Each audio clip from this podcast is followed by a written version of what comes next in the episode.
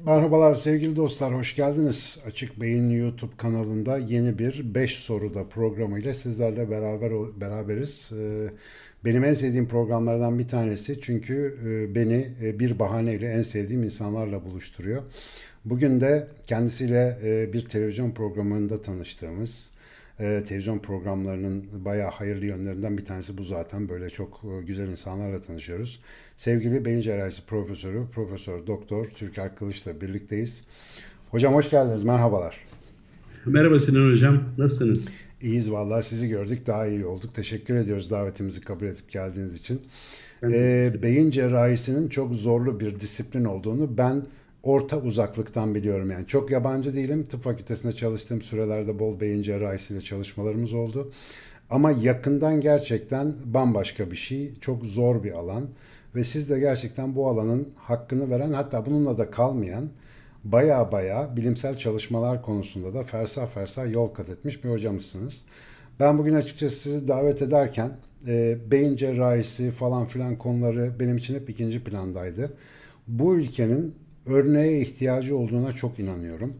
E, ve güzel örnekleri göstermenin hani medyanın biraz e, savsakladığı bir vazife olduğu görüşündeyim. Biz de bunu özgür medya kanallarını kullanarak ne kadar yapabilirsek yapıyoruz. O yüzden ben bugün sizi tanımayanlar tanısın, tanıyanlar da biraz daha yakından tanısın diye 5 soru programımızda 5 tane soruyla acık e, böyle şey yapacağım. Konuşturmaya çalışacağım. Siz biliyorum anlatmayı konuşmayı da seviyorsunuz. E, çok da güzel anlatıyorsunuz. Ben müsaadeniz olursa ilk açılışta size her konuma sorduğum bir soruyu sormak isterim. Bana öyle geliyor ki Türker Kılıç mutlu bir insan gibi. Acaba mutlu bir insan mı? Öyleyse neden, değilse neden ve Türker Kılıç nasıl oldu? Bize biraz hikayenizi anlatır mısınız? Yani CV ben burada okumuyorum, internetten ulaşırlar. Fena bir CV var arkadaşlar. Ama böyle bazıları uzaktan bakınca şey diyebiliyor. Ya işte ne bileyim bir adam diye dahidir, ya şanslıdır, bir şeydir falan filan diyor ama Türker Kılıç nasıl inşa oldu? Bize bir anlatır mısınız ve durumdan memnun musunuz? Ee, genel olarak e, mutlu bir insan olduğum söylenebilir. Ama ben kendime mutlu muyum diye sormayı aşağı yukarı 30 yaşlarımda bıraktım. Çünkü mutlu muyum mutlu, mutlu muyum diye sormak e, insanın kendi kendisine bunu sorması e, tuzak bir soru esasında. E, bu var olan, bu sahip olma kültürünün bize dayattığı bir soru olarak görüyorum bu acaba mutlu muyum sorusunu. Çünkü bu soruyu sorduğunuz andan itibaren mutluysanız bile onun büyüsünde bir e, bir azalma oluyor. E, ama şunu söyleyeyim, mutlu mutlu muyum sorusu yerine e, akışta mıyım sorusunu daha çok soruyorum. Yani bu e, bu esasında e, 90'ların sonunda e, sen mutlaka bilirsin e, Chicago'da e, Mihail Csikszentmihalyi diye e, Macar asıllı bir önemli e, psikoloji kürsüsü başkanı var. Onun bir kitabı vardı, e, Yaratıcılık, Creativity ve daha sonra da Flow takip etti, Akış. Ve e, orada orada öğrendim ki insan kendi kendisine mutlu muyum diye e, sorması yerine akışta mıyım diye sorması e, daha doğru bir soru diye düşünüyorum.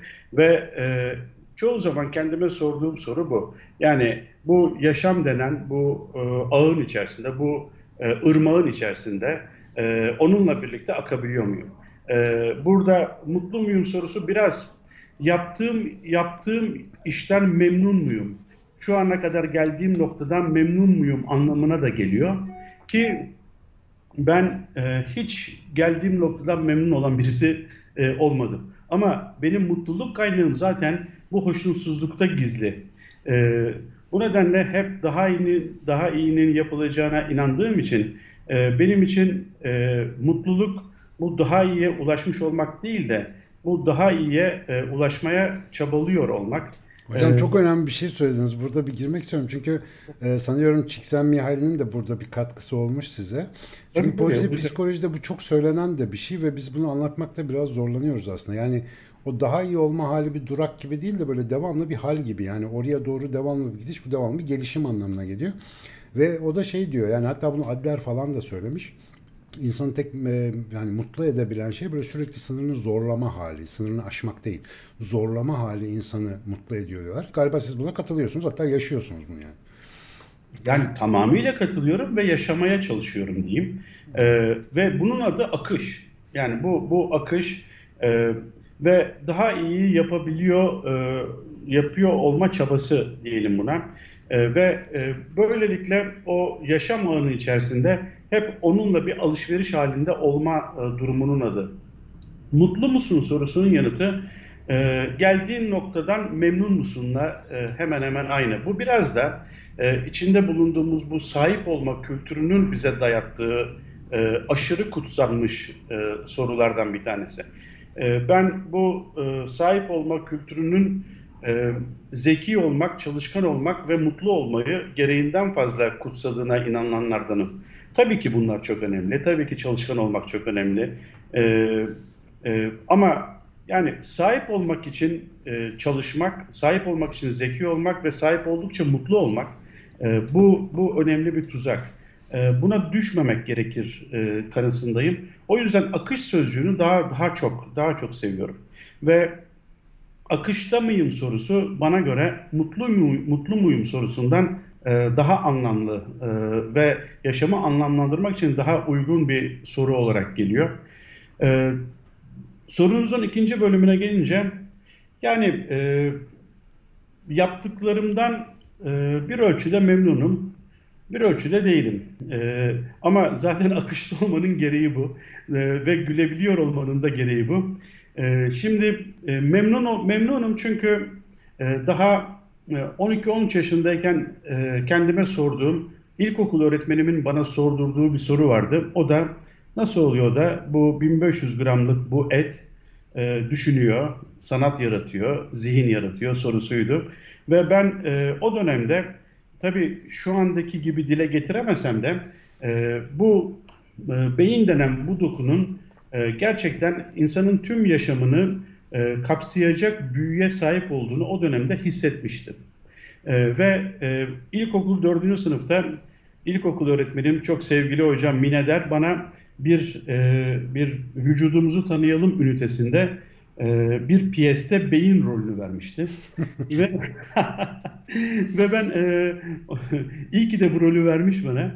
Ve ben o zaman e, bir koyun beynini elime alıp ilk kez bir beyni elledim. Ve ondan sonra yani çok merak ettim bu e, hiçbir şey hiç hareket etmeyen bu yapı e, insan vücudunun enerjisinin üçte birini götürüyor. E, ve e, yani bunda bu, bu, bu e, böyle sabit duran ama içini açı verdiğiniz zaman öyle ışıklar saçan e, sandık bir imajı vardır ya. E, hep benim kafamda öyle bir e, imaj oluşturdu o tarihten bu yana. Ve e, dedim ki yani beyinle ilgileneyim. Burada burada şu anda isimlendiremesem de anlamlandıramasam da ya burada bir mucizevi bir şeyin olduğu belli. Ve e, tabii beyin cerrahisi esasında e, bu iş için e, tam böyle e, hedefi 12'den vuran bir yol olmayabilir. E, çünkü esasında benim sorduğum bu sorunun yanıtı daha çok nörobilimle alakalı bir soru. Beyin bilimle alakalı bir soru. E, fakat e, beyin cerrahı olmak bu açıdan benim e, nörobilime ve nörobilimle ilgilenmeye başlamamı yaklaşık bir 15 yıl belki de daha fazla geciktirdi. Ama bundan çok memnunum. Çünkü e, beyne dokunmak başka bir şey.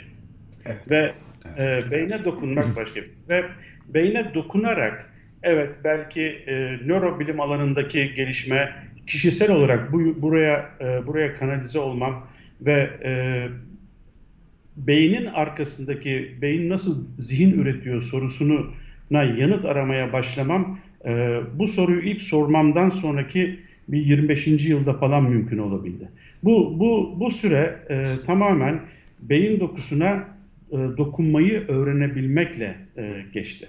E, bazıları için bu bir zaman kaybı olarak gözüküyor olabilir. Bana birçok öğrenci geliyor diyor ki beyin cerrahisini mi seçeyim yoksa neuroscience mi seçeyim, nörobilim mi seçeyim? E, ve onlara ben e, kendi yolumu anlatıyorum. Onların kendi e, yani örnek alınabilecek ya da seçeneklerden birisi olduğunu söylüyorum. Ama ben kendim memnunum. E, çünkü e, bir de işin e, insan tarafı var. Yani işin bilim tarafı, felsefe tarafı, e, kişisel merakın peşinde koşmanın zevki bunlar ayrı şeyler. E, bir de e, yani e, görmesi kaybolmuş birini ameliyat ettikten sonra onun görmesini sağlamak ya da e, işitmesi kaybolmakta olan birisinin ameliyatını yaptıktan sonra onun işitiyor olmasını e, devam ettirmek. Bunlar bunlar işin e, diğer diğer tarafları. Ama e, diğer yandan şans faktörüne de inanıyorum e, Sinan Hocam. Yani evet insan şansını kendisi yaratıyor. Bu, bu tamam. Yani bu tamam. Ama diğer yandan da insanın içinde bulunduğu ağın e, onu e, uyaranlarla besliyor olması gerekli. Ve e, ve e, siz e, çabanızla 10 e, şans yaratabilirsiniz ya da bir başka yerde olursa olsanız belki 100 şans yaratabilirsiniz. Bu bu insanın içinde bulunduğu o e, kültürel e, bağlantıyla e, çok alakalı bir şey. E, bu noktada e, bu noktada şans biraz devreye giriyor. Bu şansın esasında kendisini en çok gösterdiği yer insanın iyi öğretmenlerle karşılaşabilmesi şans. Ben insanın en büyük şansının iyi hocalarla, iyi öğretmenlerle karşılaşabilmesi olduğunu düşünüyorum. Çok Bu gerçekten şans. Yani bir ilkokula gidiyorsunuz. Bu ilkokulda e, yani en azından eskiden öyleydi. E, bizim zamanımızda ilkokulda öğretmenimizi seçemiyorduk. E, ve e, karşılaştığınız öğretmen bir şekilde sizin yaşamınızı belirleyen niteliğe sahip. E, ama diğer yandan yani e, bu şans faktörü önemli ama e, esas emek. Yani esas esas ve bir şeye insanın kafasının takık olması. Yani bu insanın e, bir şeye kafasının takık olması, bu takık olma durumu çok önemli bir şey. E, bu takık olma durumu merak duygusuyla alakalı bir şey. Ve e, ben merakın yani bu kadar önemli olduğunu e, korona sonrasında biraz e, çalıştıkça idrak ettim. Çünkü merak bu e, bu e, hani örümcek ağının bir bağlantısallığı vardır ya. E, bu e, bağlantısallığı sağlayan o o ince ama güçlü ipin kendisinin adı merak. Yani e, bu bu e, bu başlangıç noktası.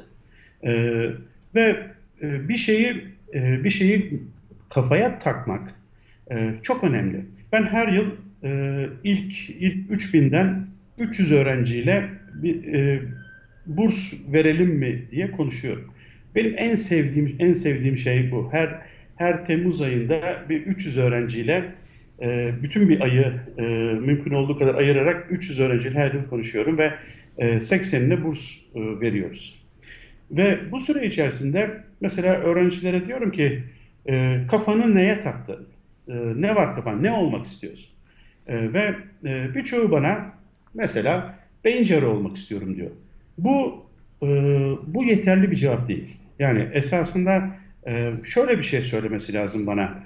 E, yani diyelim ki ya da psikiyatrist olmak istiyorum diyenler e, son zamanlarda giderek artıyor. Bu da yeterli bir cevap değil. Bana demesi lazım ki söz gelimi ben şizofreni çalışmak istiyorum ve şizofrenideki şu genlerin e, bu işte rolü olduğunu öğrendim ve çok iyi aile ağacı tutulduğu için Finlandiya'da bu işin esas yapılacağını anlıyorum ve bana bu imkanı sağlayacak bir tıp fakültesi arıyorum. İşte bu yani, nokta atışı gelmiş adam demek zaten. Evet, zaten zaten bunu bunu duyduğum an yani o çocuğu e, böyle sarılıp öpüyorum yani korona bile olsun.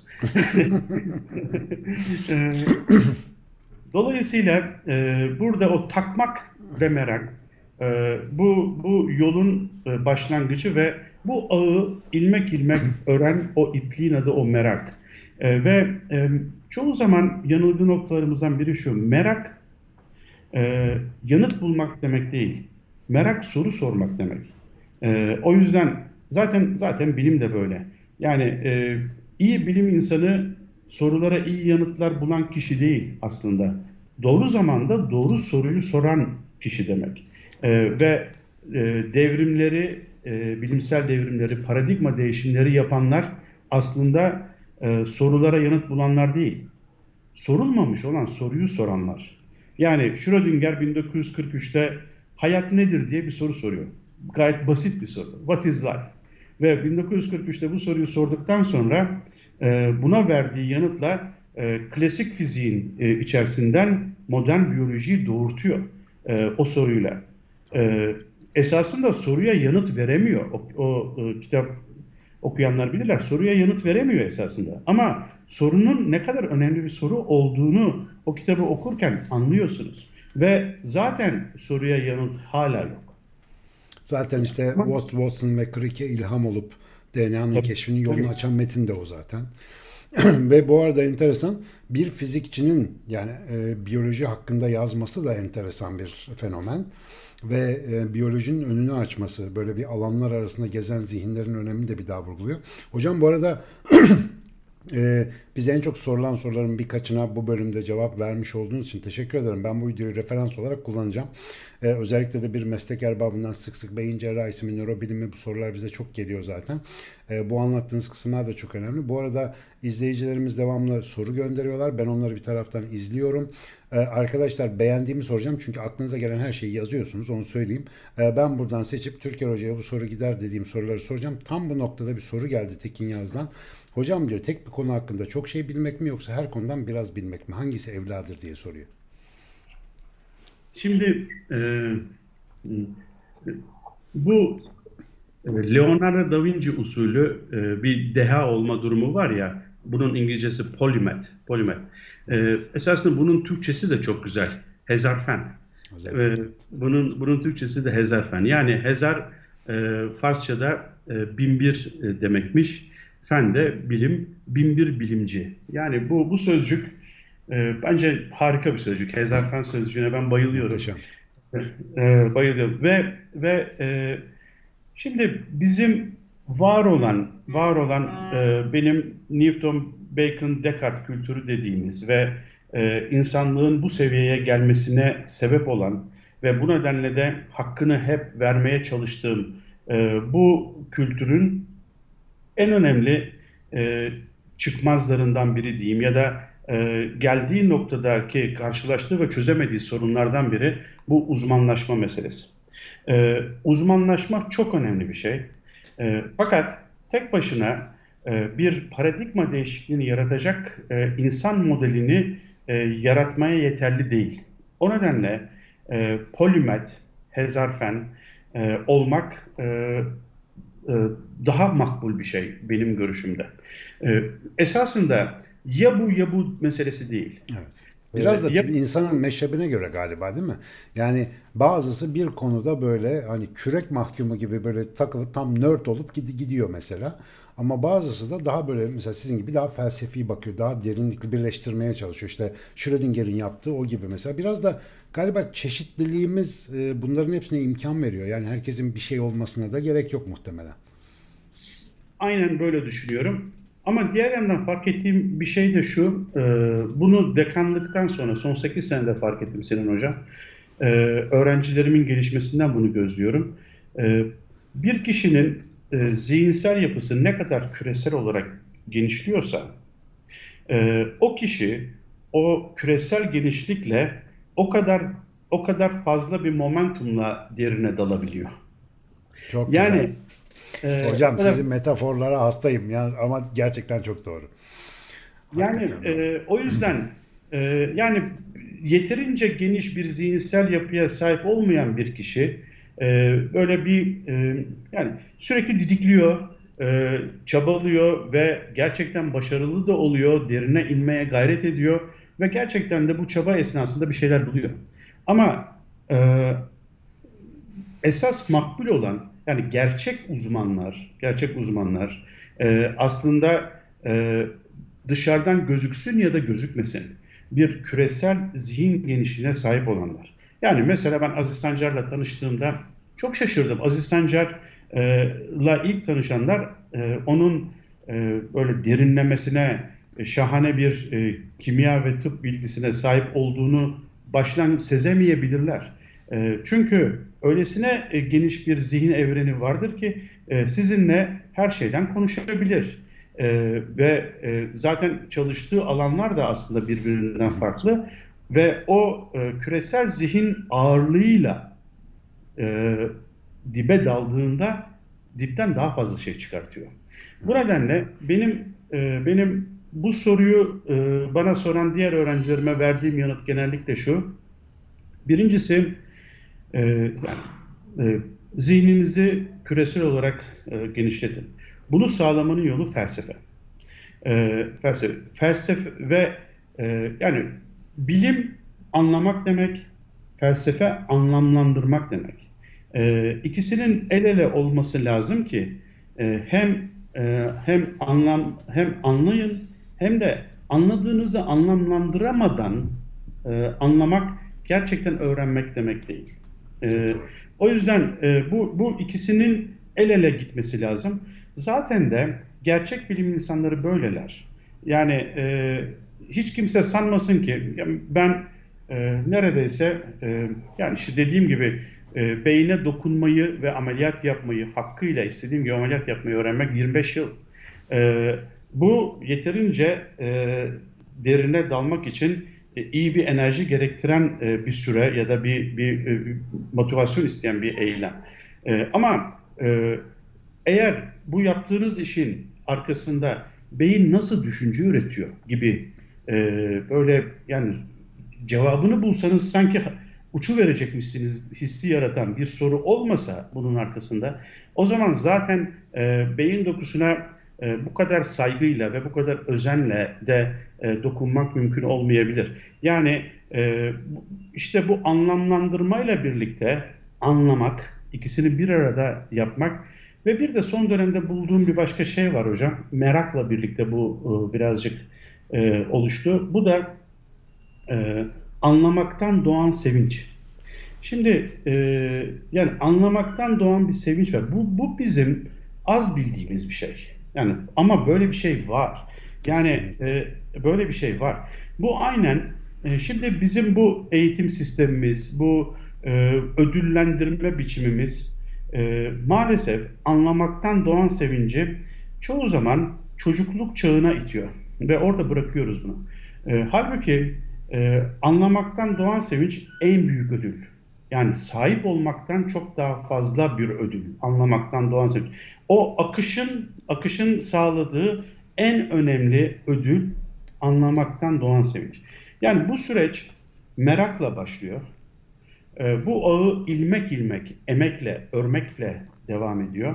E, ve e, burada e, iki önemli e, iki önemli eylem türü var. Bunlardan bir tanesi yaratıcılık, diğeri de iyilik. Yani iyilik eğitimi diye bir eğitime ihtiyacımız var. Ee, ve bunun sonucunda bunun sonucunda da bir anlamaktan doğan sevinçle bu döngü tamamlanıyor. Ve e, e, bu, bu döngüyle merakla başlayıp emekle devam edip e, iyilik ve yaratıcılıkla sürdürüp anlamaktan doğan bir sevinçle bitirmek. E, bu bu Newton, Bacon, Descartes kültürünün e, bize getirdiğinden çok farklı bir e, süreç. E, anlamaktan doğan sevinci ben uzun yıllar önce okumuştum ama son dönemlerde anlayabildim. Biraz daha fazla anlayabildim. E, bu öyle hani renk körü olan birisinin e, renk kör, biliyorsunuz renk körü olanlar renk körü olduğunu bilmezler. E, ve e, dışarıdakiler anlar ki bu kişi renk, renk körü. E, ve ona renk körünü düzelten bir gözlük tak verirler.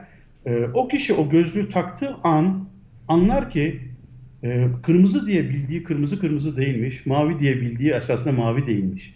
E, ve e, işte bu bunu ben idrak etmeye başladığım zaman e, böyle bir değişim, böyle bir zihinsel dönüşüm yaşadım. Bunun esasında en önemli sebeplerinden biri az önce siz söylediğiniz e, bir hani Schrödinger bir e, fizikçi olduğu halde biyolojide yeni bir paradigma yaratıyor. E, bunun sebebi de sebebi şu. Belli bazı dönemlerde e, insan zihninin buz kıranlığını e, bazı bazı bilim alanları üstleniyorlar. Yani işte 1700'lerde e, Newton'la birlikte bu klasik fizikmiş. 1800'lerde bu bunun yerine Lavoisier'le vesaire e, kimyagerler almışlar. E, e, daha sonra işte elektromanyetizma falan derken e, 19. yüzyılın başlarında e, biyoloji modern anlamda e, ortaya ortaya çıkmış ve bu buz kıran gemiliğini üstlenmiş. Geleceğim nokta şu, şu anda şu anda 2000'li yılların başında, 20. yüzyılın başında bu vakti zamanında kimyanın, e, fiziğin, biyolojinin yaptığı bu buz kıran gemiliğini şu anda nörobilim yapıyor. E, ve e, nörobilimde çalışanların e, ve bunun içine kendimi de koyarak söyleyebilirim ki şansı, bu çok büyük bir şans. E, şu anda insan zihninin buz kıran gemiliğini e, nörobilimcilerin yapıyor olması. Ve nasıl ki fizik alanında elde edilen veriler biyolojiyi de etkiliyor, Schrödinger'de olduğu gibi. Şimdi nörobilimle ilişkili bizim e, elde ettiğimiz şeyler e, ki buna yapay zekayı da ek, ekliyorum. Yani yapay zeka aşağıdan yukarıya, nörobilimde yukarıdan aşağıya bir metotla e, yaşamın enformasyon olduğuna ve e, e, bilginin bilgiyle örülmüş bir enformasyon ağı olduğunu bize öğreten alanlar. E, dolayısıyla e, bu dönemde e, nörobilimle ilgilenenlerin özel bir şansı olduğunu görüyorum ve nitekim e, birçok bilim alanında nörobilimle elde edilen verilerin e, o alanları değiştirecek kadar önemli yeniliklere yol açtığını da görüyor. E, ve buna e, bunu yakalamak tabii ki çok zor. Çünkü bütün bilim alanlarını takip etmek zor. Ama hem Dünya Bilim Akademisi'nde hem de Avrupa Bilim Sanat Akademisi'nde özellikle diğer branşların toplantılarını takip etmeye çalışıyorum. Fizikçilerin, yapay zekacıların, yapay zeka zaten nörobilimin e, e, çok dostu. E, ama mesela edebiyatçıların e, ya da felsefecilerin ya da fizikçilerin e, onların da dünyası değişiyor. Nörobilimde elde edilen e, elde edilen verilerle. Özellikle bu e, 2012'den sonra Avrupa'daki insan beyin projesi, Amerika'da şimdi sonlandırılan insan konnekton projesi bunlar gerçekten bizim düşünce yapımızı çok değiştirdi ve, sa ve sadece beyin nedir ya da beyin nasıl zihin oluşturuyor sorularının ötesinde yaşam nedir sorusunu tekrar ele alma cesaretini bize ver. Hocam bir cerrahın kesme yetkisi bulunan bir organa bu kadar hayran olması bilmiyorum. Çok rastlanır bir şey midir ama e, bana bu manzara mesela çok ilginç geldi. Siz normalde kesip tümör mümör çıkarıyorsunuz böyle yani bayağı bazen kanlı fışkılamayla. Tına zarar vermeden. Aynen aynen. Yani bir, bir, düşün, bir düşünüyorum şimdi bir tarafta yaptığınız iş hakikaten tıbbın en zor en cesaret isteyen böyle e, bazı en incelikli de alanı yani beyin cerrahisi en zor alanlardan biri. Sizin özellikle çıktığımız programda bu konnektomu da zikrettiniz şimdi. Bu çalışma alanına olan derin ilginizi ve hayranlığınızı biliyorum ve bağlantısal bütünsellik diye benim çok hoşuma giden bir tanımlama kullanıyorsunuz. Ve bunu sadece nörobilimle ilgilenenlerin ya da beyin cerrahlarının ya da profesyonellerin değil aslında herkesin anlaması gerektiğini düşündüğünüz için olsa gerek yoğunlukla da anlatıyorsunuz. Bizim için bir özetler misiniz? Nedir bu bağlantısal bütünselliğin önemi? Bir de Connecton projesinin geldiği yer konusunda bizi ufak bir bilgilendirir misiniz? Yani ne oluyor o işlerde şu anda? Ee, nasıl ki genlerin toplam, toplamına genom adını veriyoruz, beyindeki bağlantısallıkların toplamına da konnektom adını veriyoruz. O OM, OME eki e, İngilizce'de bütünlük anlamına e, gelen bir ek. Son ek. E, şimdi e, İnsan Beyin Projesi'nin, İnsan Konnekton Projesi'nin Amerika Birleşik Devletleri'nde e, liderlerinden biri e, Kamil Uğurbil Hoca'dır. E, Minnesota'da. E, kendisini de anmak isterim. Gerçekten bu alana büyük katkılar e, sağladı. Ve e, bunun mümkün olmasının sebebi MR teknolojisinin artık çok e, eskiye göre çok daha büyük bir hassasiyete ulaşmış olmasıdır. Biz önceden e, beyin anatomisini loblara göre vesaire belirliyorduk ki şimdi artık e, beyinde neredeyse bine yakın ayrı merkezin birbiriyle nasıl bağlantılandığını artık e, MR'da görebiliyoruz. E, bu görebiliyor olmak e, bizim hem cerrahi yaklaşımımızı da değiştiriyor, beyin anatomisi anlayışımızı da değiştiriyor. Ama bunu bir kenara koyuyorum. Yani bu bu şu anda e, Elon Musk'ın falan e, bu işleri yapabilmeye soyunmasının ana sebebi işte bu insan konnektörün projesi. E, bunu e, daha teknik olmasın diye bir, yer, bir kenara koyuyorum ama e, bağlantısallık e, ve bu bağlantısallığın bütünlükle birlikte e, kavranması esasında yeni bir e, bilimsel yöntem. Ve bu e, işte tümden gelim ve tüme varımdan sonra e, üçüncü bir bilimsel yöntem. Şimdi e, tümden gelim e, ne demek? Yani e, gü güvenilir bir yargıya onu denemeden inanmak demek. E, söz gelimi Aristo İsa'dan 400 sene önce çıkıyor diyor ki bir elimde 1 kilogramlık demir olsa diğerinde 10 kilogramlık demir olsa ben ikisini aynı anda yere bıraksam ağır olan yere önce çarpar.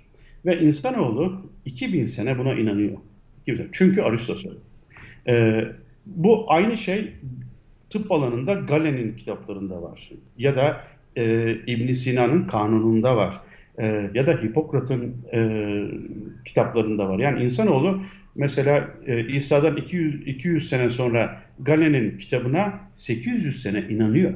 Ve e, insanlar e, Vesalius'a yani bir anatomiyi çizerek, görerek e, tanımlamış olan kişiye Vesalius'a kabullenmekte zorluk çekiyorlar. Diyorlar ki e, Galen kitabında bunu böyle mi tarif etmişti? Halbuki Vesalius bunu e, ortaya koymuş ve anatomi kesitine bakarak bunu çizmiş zaten.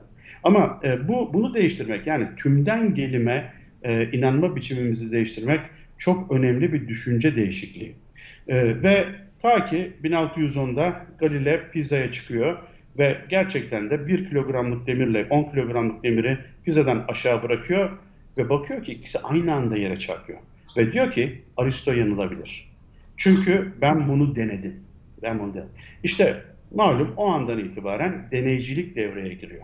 Ve zaman içerisinde e, bizim bilimimiz e, bütünü anlayamadığı zaman o bütünü mümkün olan en küçük yapı taşına indirgeyip o yapı taşını çalışarak elde ettiği verileri bütünün kendisine atfetme yöntemini uyguladı. E, bu hemen hemen bütün bilim dallarında e, böyle. Yani e, biz evrenin yapı taşı olarak atomu e, bildik ve atomu inceleyerek evrenin evren hakkında bilgi sahibi olmaya çalıştık.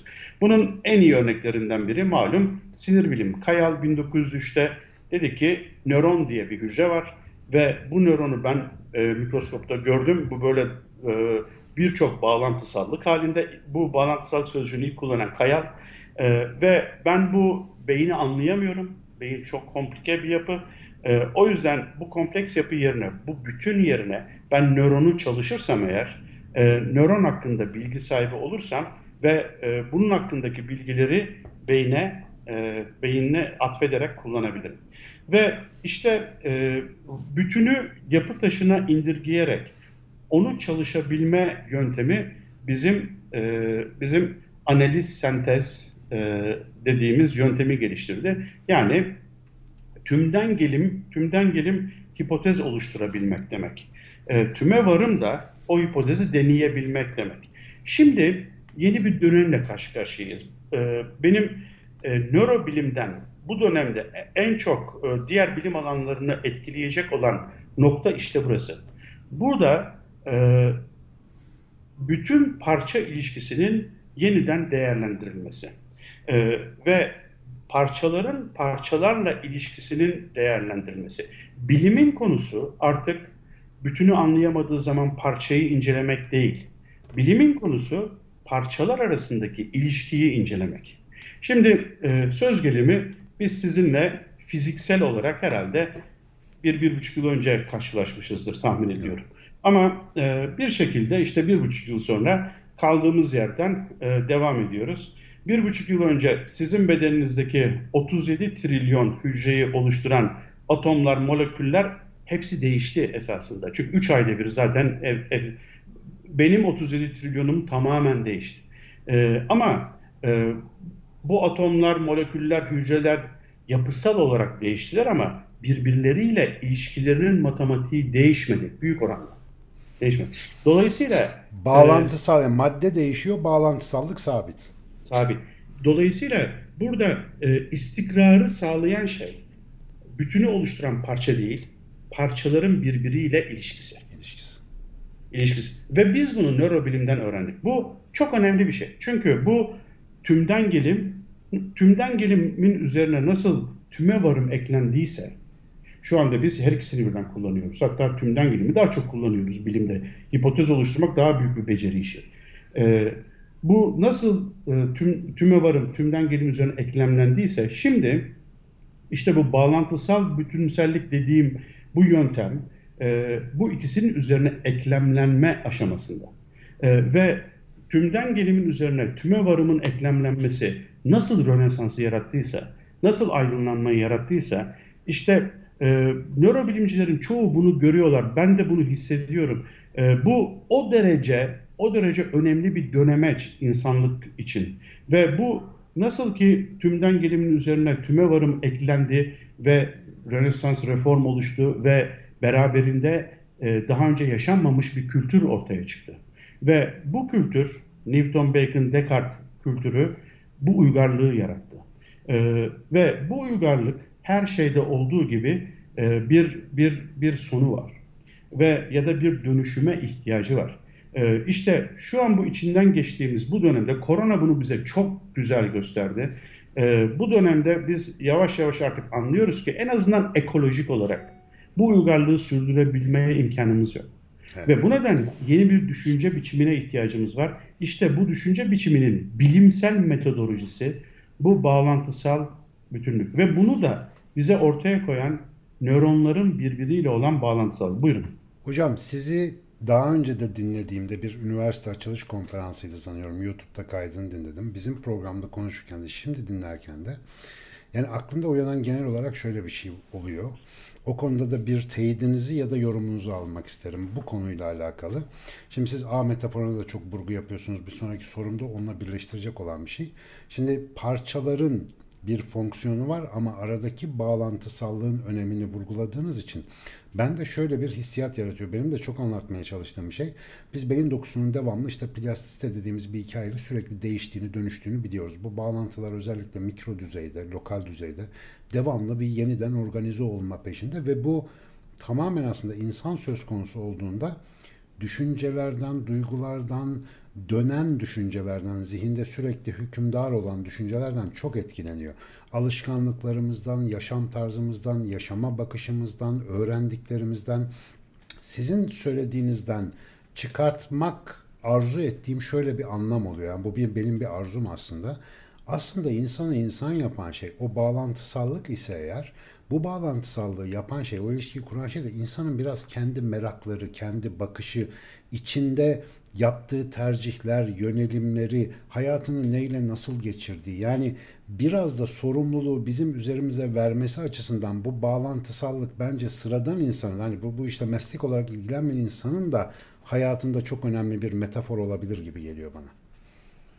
Hocam işte e, çok güzel özetlediniz tabii. E, üç önemli sözcük kullandınız bu kısa konuşmada. Biri merak. E, merak. İkincisi tercih etmek, yani seçim yapmak.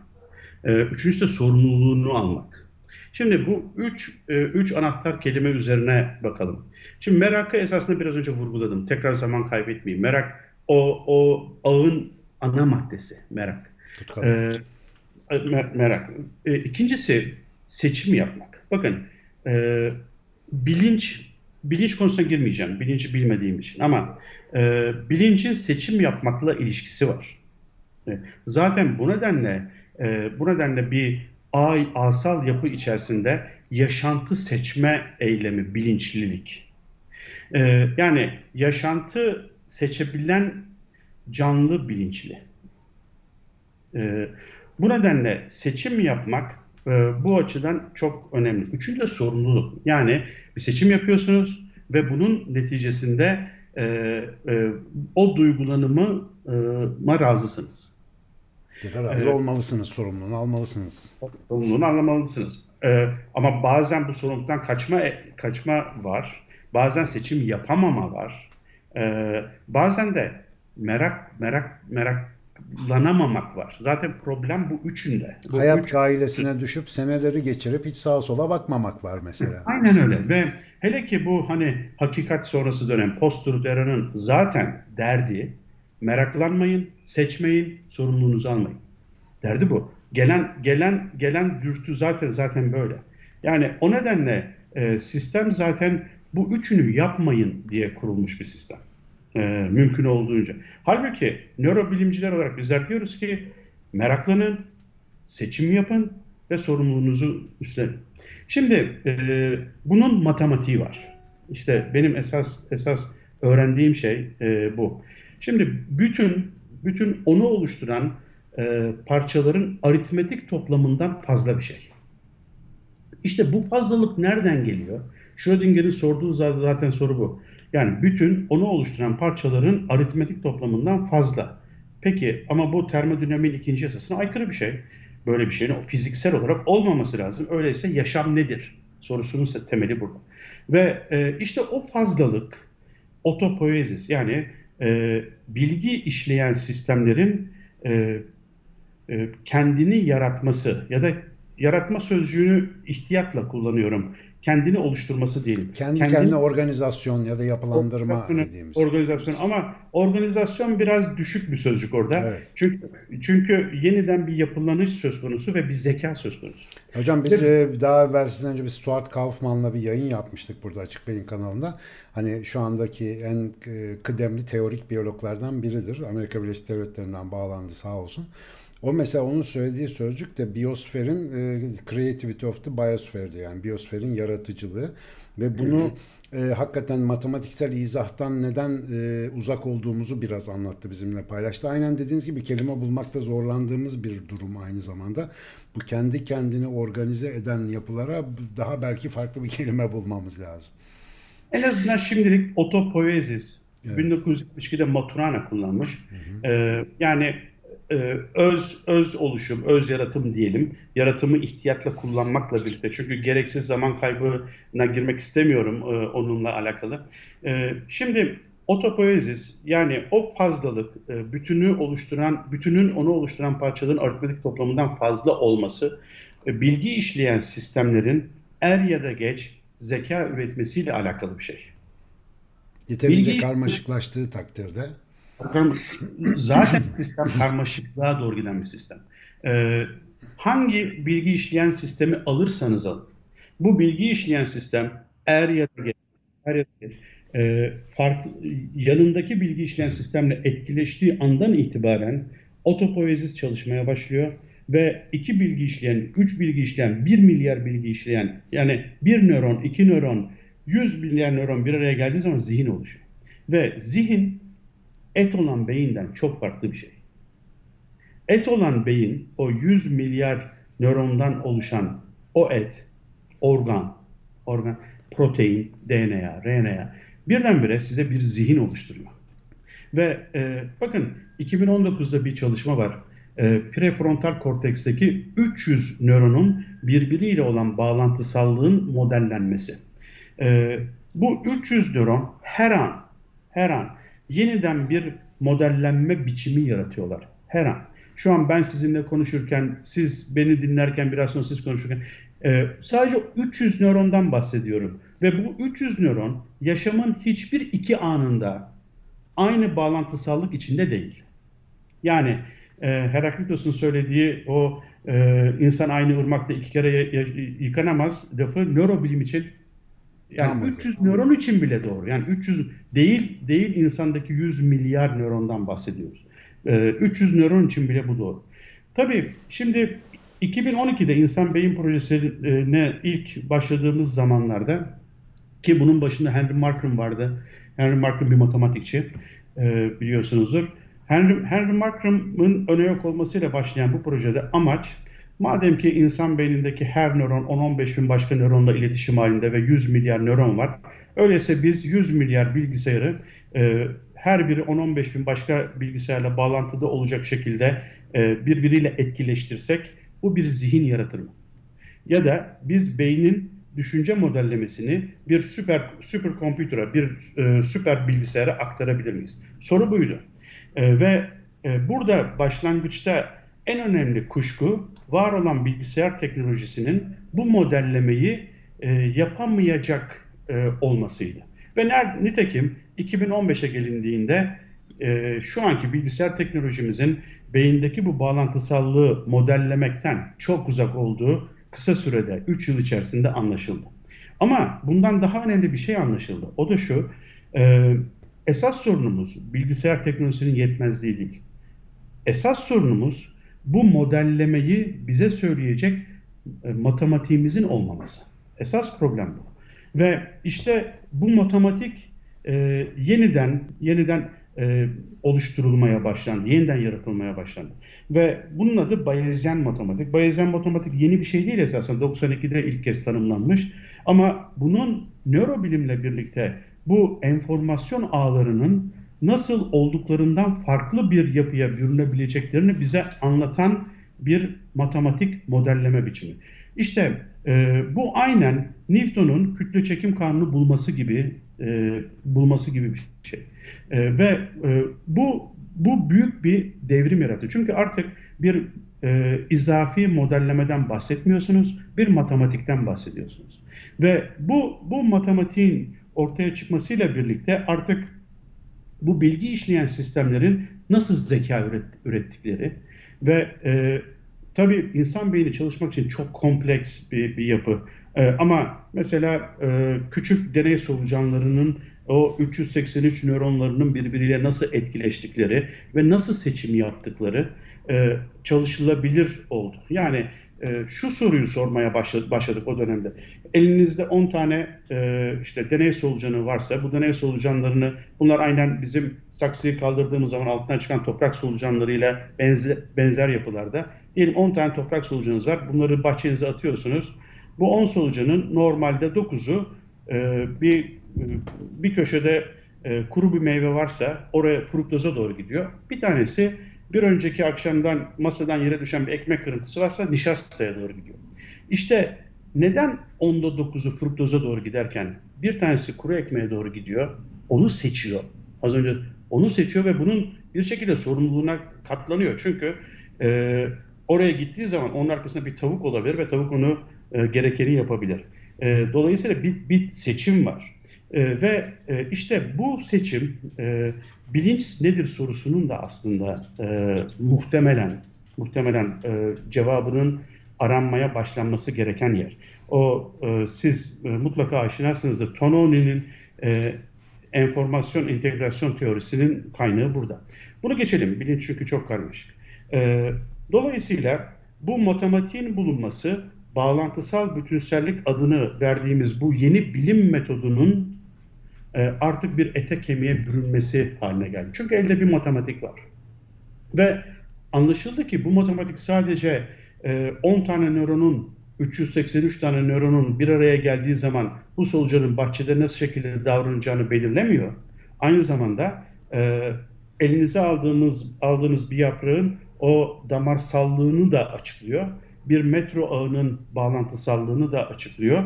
Ya da koronavirüsün Wuhan'dan e, tüm dünyaya yayılma biçimini de açıklıyor. Ve bunlar benzer matematikler. Bu, bu anlaşıldı ki bu bağlantısallık yer çekimi gibi.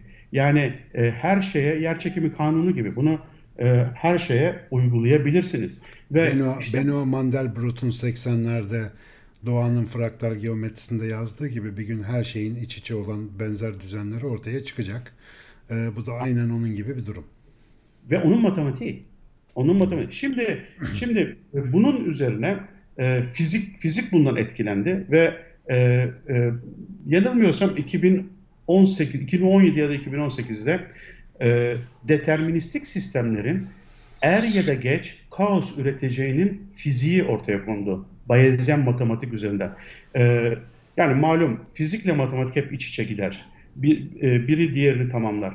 E, dolayısıyla deterministik e, yaşamın deterministik bir sistem olmadığının farkındalığı ve bütünün onu oluşturan parçaların aritmetik toplamından o fazlalığının o de, in lineer olmayan yapıdan geliyor olduğunun anlaşılması ve bunun matematiğinin ortaya konabilir hale gelmesi her ne kadar bugünkü bilgisayarlar bunu açıklamak için yetersiz olsa da e, bu Ama tabii işler, başlangıç olarak çok çarpıcı bir nokta tabii ki.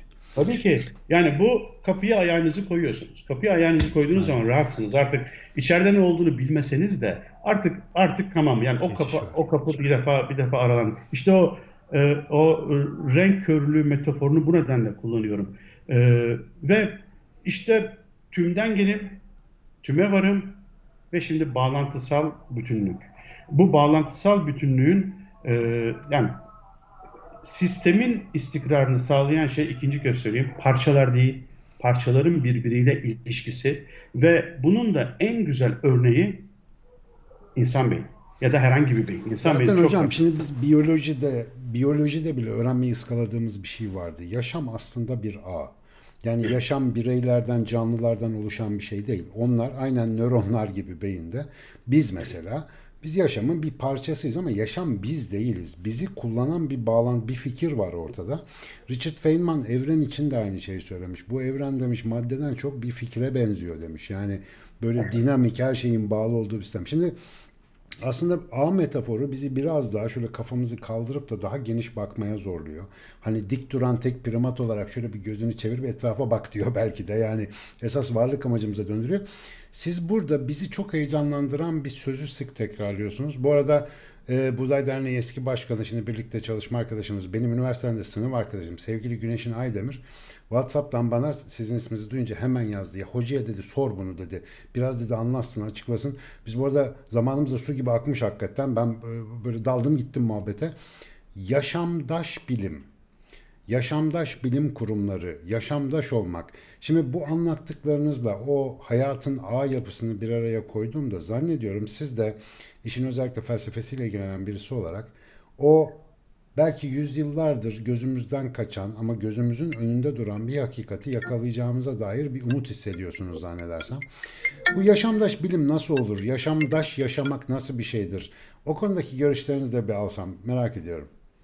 Şimdi e, bu bağlantısal bütünsellik bir bilim metodolojisi, bilimsel yöntem. E, aynen deney deneycilik gibi. E, ama bu deneyciliğin üzerine e, bir kültür oluşuyor. Şimdi e, bağlantısal bütünlük dediğimiz bu e, bilimsel yöntemin üzerine inşa edilmesini istediğim, insanoğlunun seçmesini e, seçmesi için çabaladığım ve e, oluşması için emek verdiğim bu kültüre yaşamdaşlık adını denedim ve, ve tuttu. Yani bunu herkes çok beğendi. Çünkü hem Türkçe hem Türkçe hem de çok anlaşılır bir şey. Yani e, yani insanoğlu nasıl vatandaş olmayı öğrendi, vergi vermeyi öğrenip yurttaş oldu, ondan sonra arkadaş oldu, karındaş oldu. E, şimdi de yaşamdaşlık kavramının ben bugüne kadar bu sözcüğün kullanılmamış olmasına da çok şaşırdım.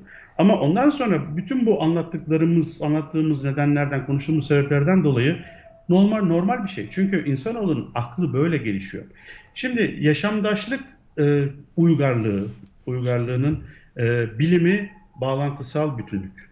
E, ya da bunu bir kavramsallaş olarak söylersek bağlantısal bütünsellik. E, ve bunun matematiği işte az önce sözünü ettiğimiz bir matematik ve fizik ve bunun altyapısı böyle. Şimdi e, bu e, yaşamdaşlık da e, siz bu asal yapıyı ve e, bilginin enformasyonun er ya da geç zeka oluşturacağını kabullendiğiniz zaman zaten her şeyin içinde bulunduğu ağ ile anlamlı olduğunu anlıyorsunuz. Her şeyin içinde bulunduğu ağ ile anlamlı olması bize yeni bir kültürün kapısını açıyor. Yani biz e, sahip olduklarımızla anlamlı değiliz.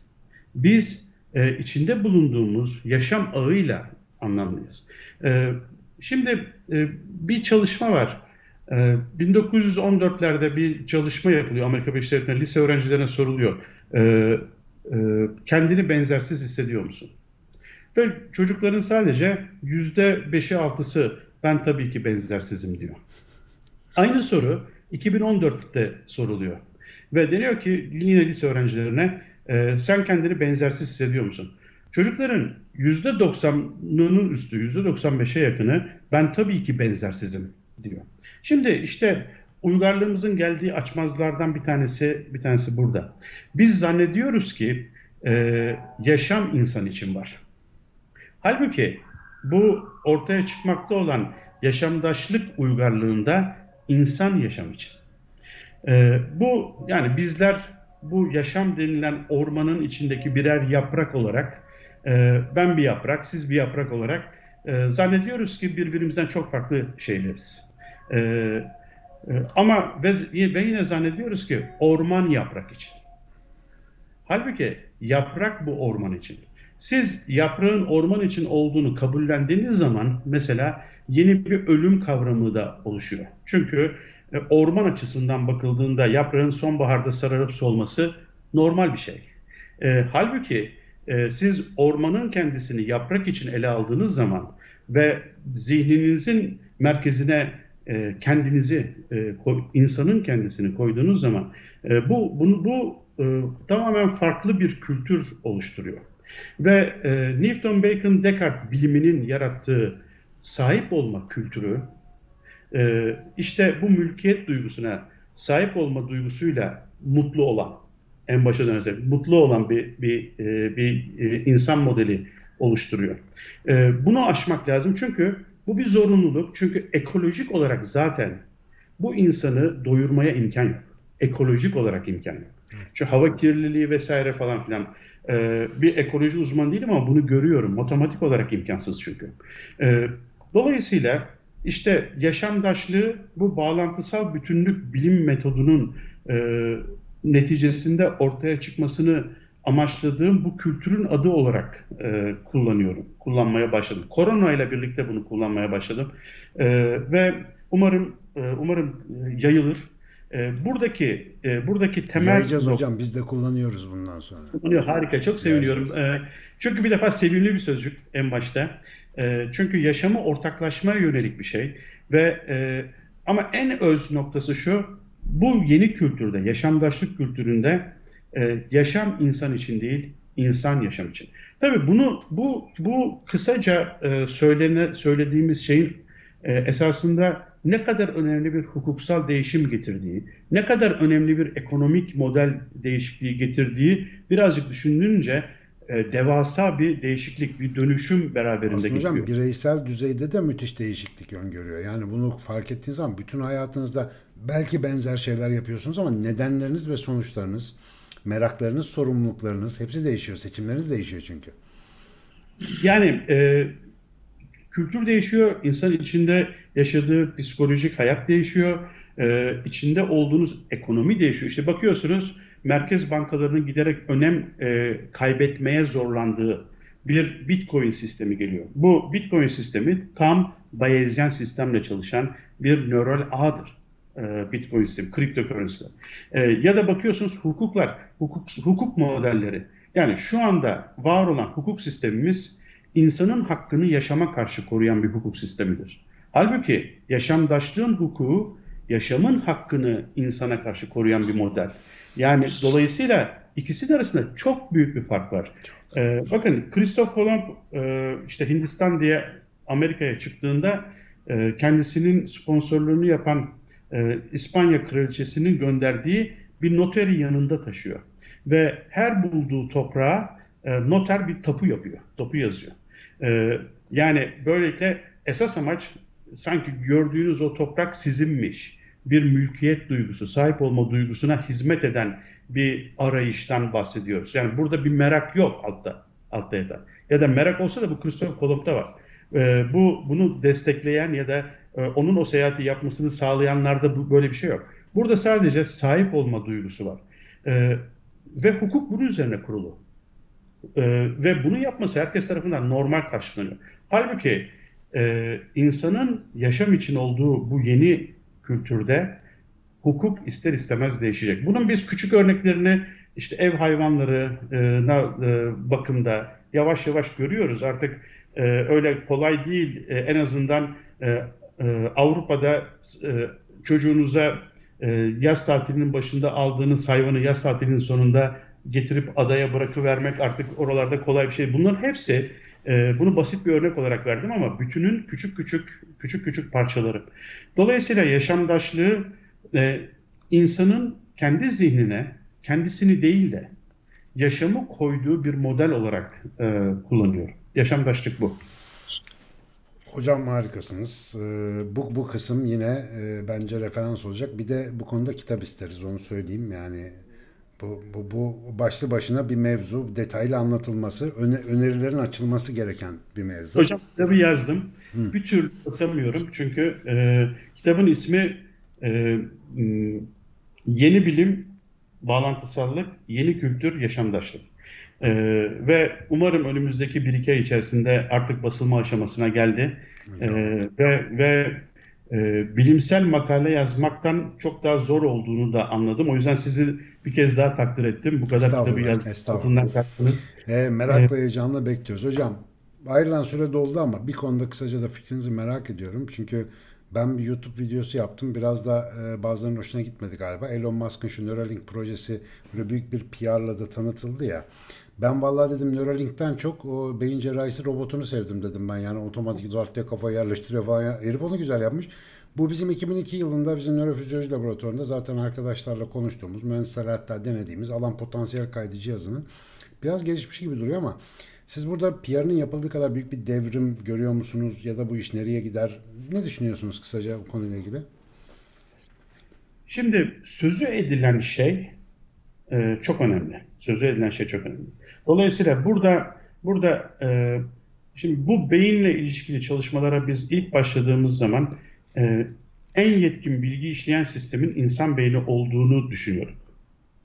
Ve anladık ki bir süre sonra en yetkin bilgi işleyen sistem insan beyni değil.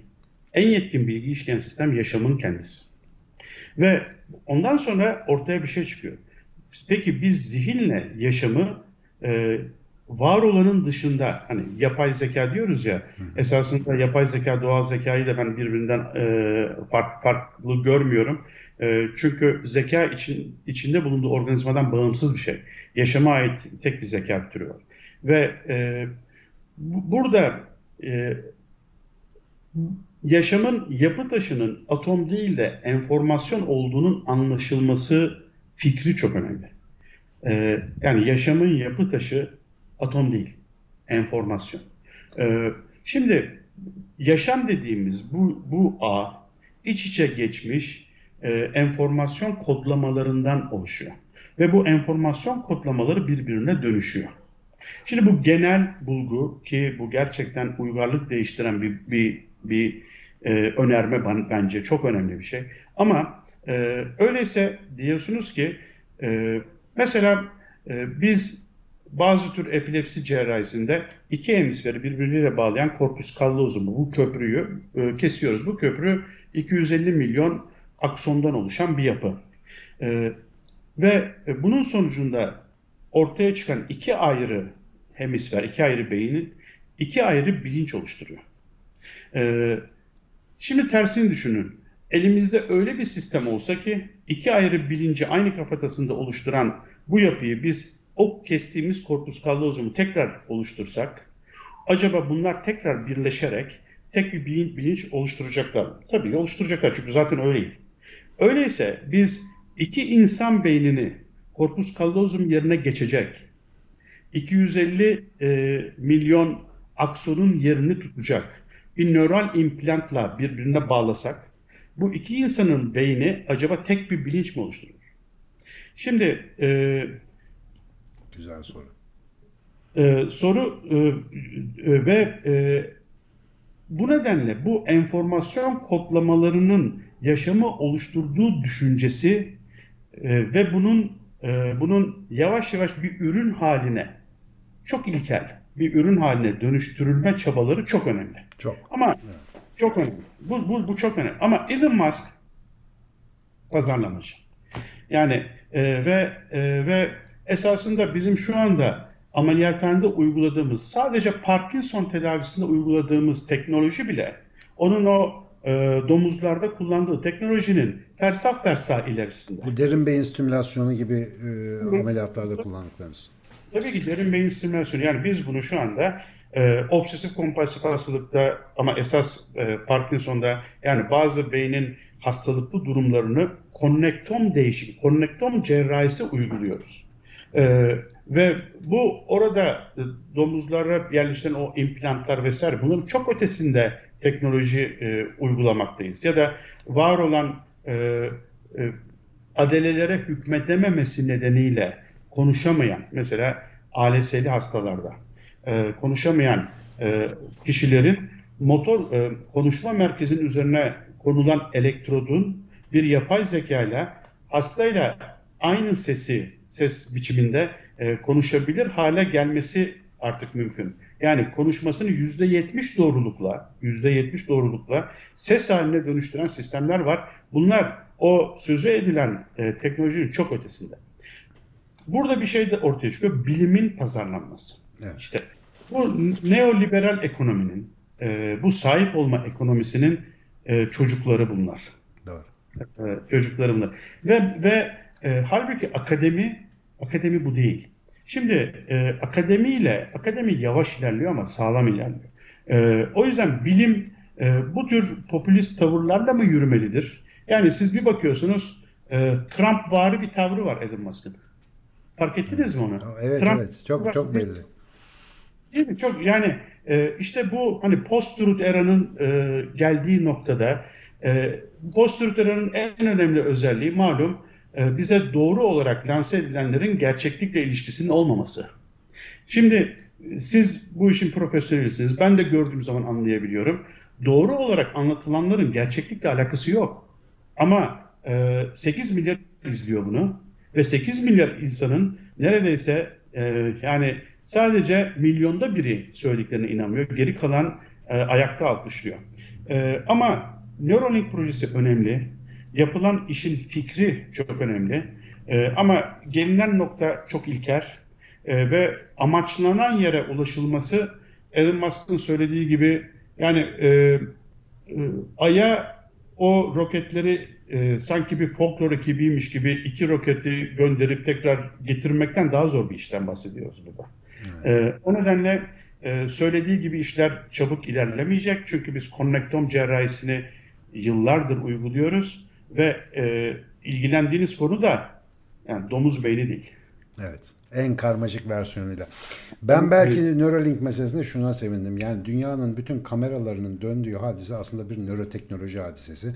Demek ki yani sonuçta şu ya da bu şekilde e, en reytingi yüksek konu yine nörobilim, yine nörobilim. Bu en azından işin güzel bir tarafı. E, bu bize de umduğumuz değişikliklerin belki daha hızlı sağlanabileceği bir dünya öngörüyor. Sevgili hocam, ben bu değişimde özellikle bizi Türkiye olarak ama dünya çapında da yaptığınız çalışmalarla en önemli aydınlatanlardan biri olduğunuzu düşünüyorum. Ben gene sizle yayın yapmak istiyorum. Özellikle bu arada kalan bazı başlıkları biraz açmak istiyorum. Ben orada hissettim ki içeride volkan patlıyor. Onu bir saymam, şöyle yaymamız lazım. Ee, güzel güzel sohbet etmemiz lazım. Sizin vaktinizin uygun olduğunda açık beyin her zaman emrinize amade. İnşallah bir araya tekrar gelelim. Bir de şu İnşallah. tantanalar bittiğinde ruberu yan yana şöyle bir e, gençlerle beraber toplanıp sohbet programları yapmayı da hayal ediyorum. İnşallah onlar da olur. Bu akşamınızı bize ayırdığınız için çok teşekkür ediyoruz. Paylaştığınız için. Hem size hem de dinleyenlere. Eyvallah. Sağ Sevgili takipçi arkadaşlar da oradan yardırıyorlar sorular ama o kadar soru arkadaşlar çok da böyle hani konu dışı soruyorsunuz. O yüzden sormadım. Yoksa çok yoğun takipçilerimiz e, ilgi gösterdiler. Dediğim gibi beklenen bir sohbetti bu. İnşallah devamını da yapacağız. E, hocam size çalışmalarınızda başarılar, e, artan verimlilikler diliyorum ve akış yolculuğunuzda gürül gürül e, akışa devam etmenizi istiyoruz Hep inşallah evet. hepimiz için. Eren Hocam çok teşekkürler. Sağ ben olun. çok teşekkür ederim. Sevgili dostlar bir beş soruyu daha böyle bitirdik ama bu bu sefer bir çırpıda bitti gerçekten. Ee, inşallah en yakın zamanda yeni konuklarımızla, yeni konularımızla birlikte olacağız. Abone olmayı, tıklamayı unutmayın. Biz de e, arkadaşlarınızla paylaşmayı, haberdar etmeyi unutmayın. Ee, tekrar diğer yayınlarda görüşmek üzere. Hoşçakalın.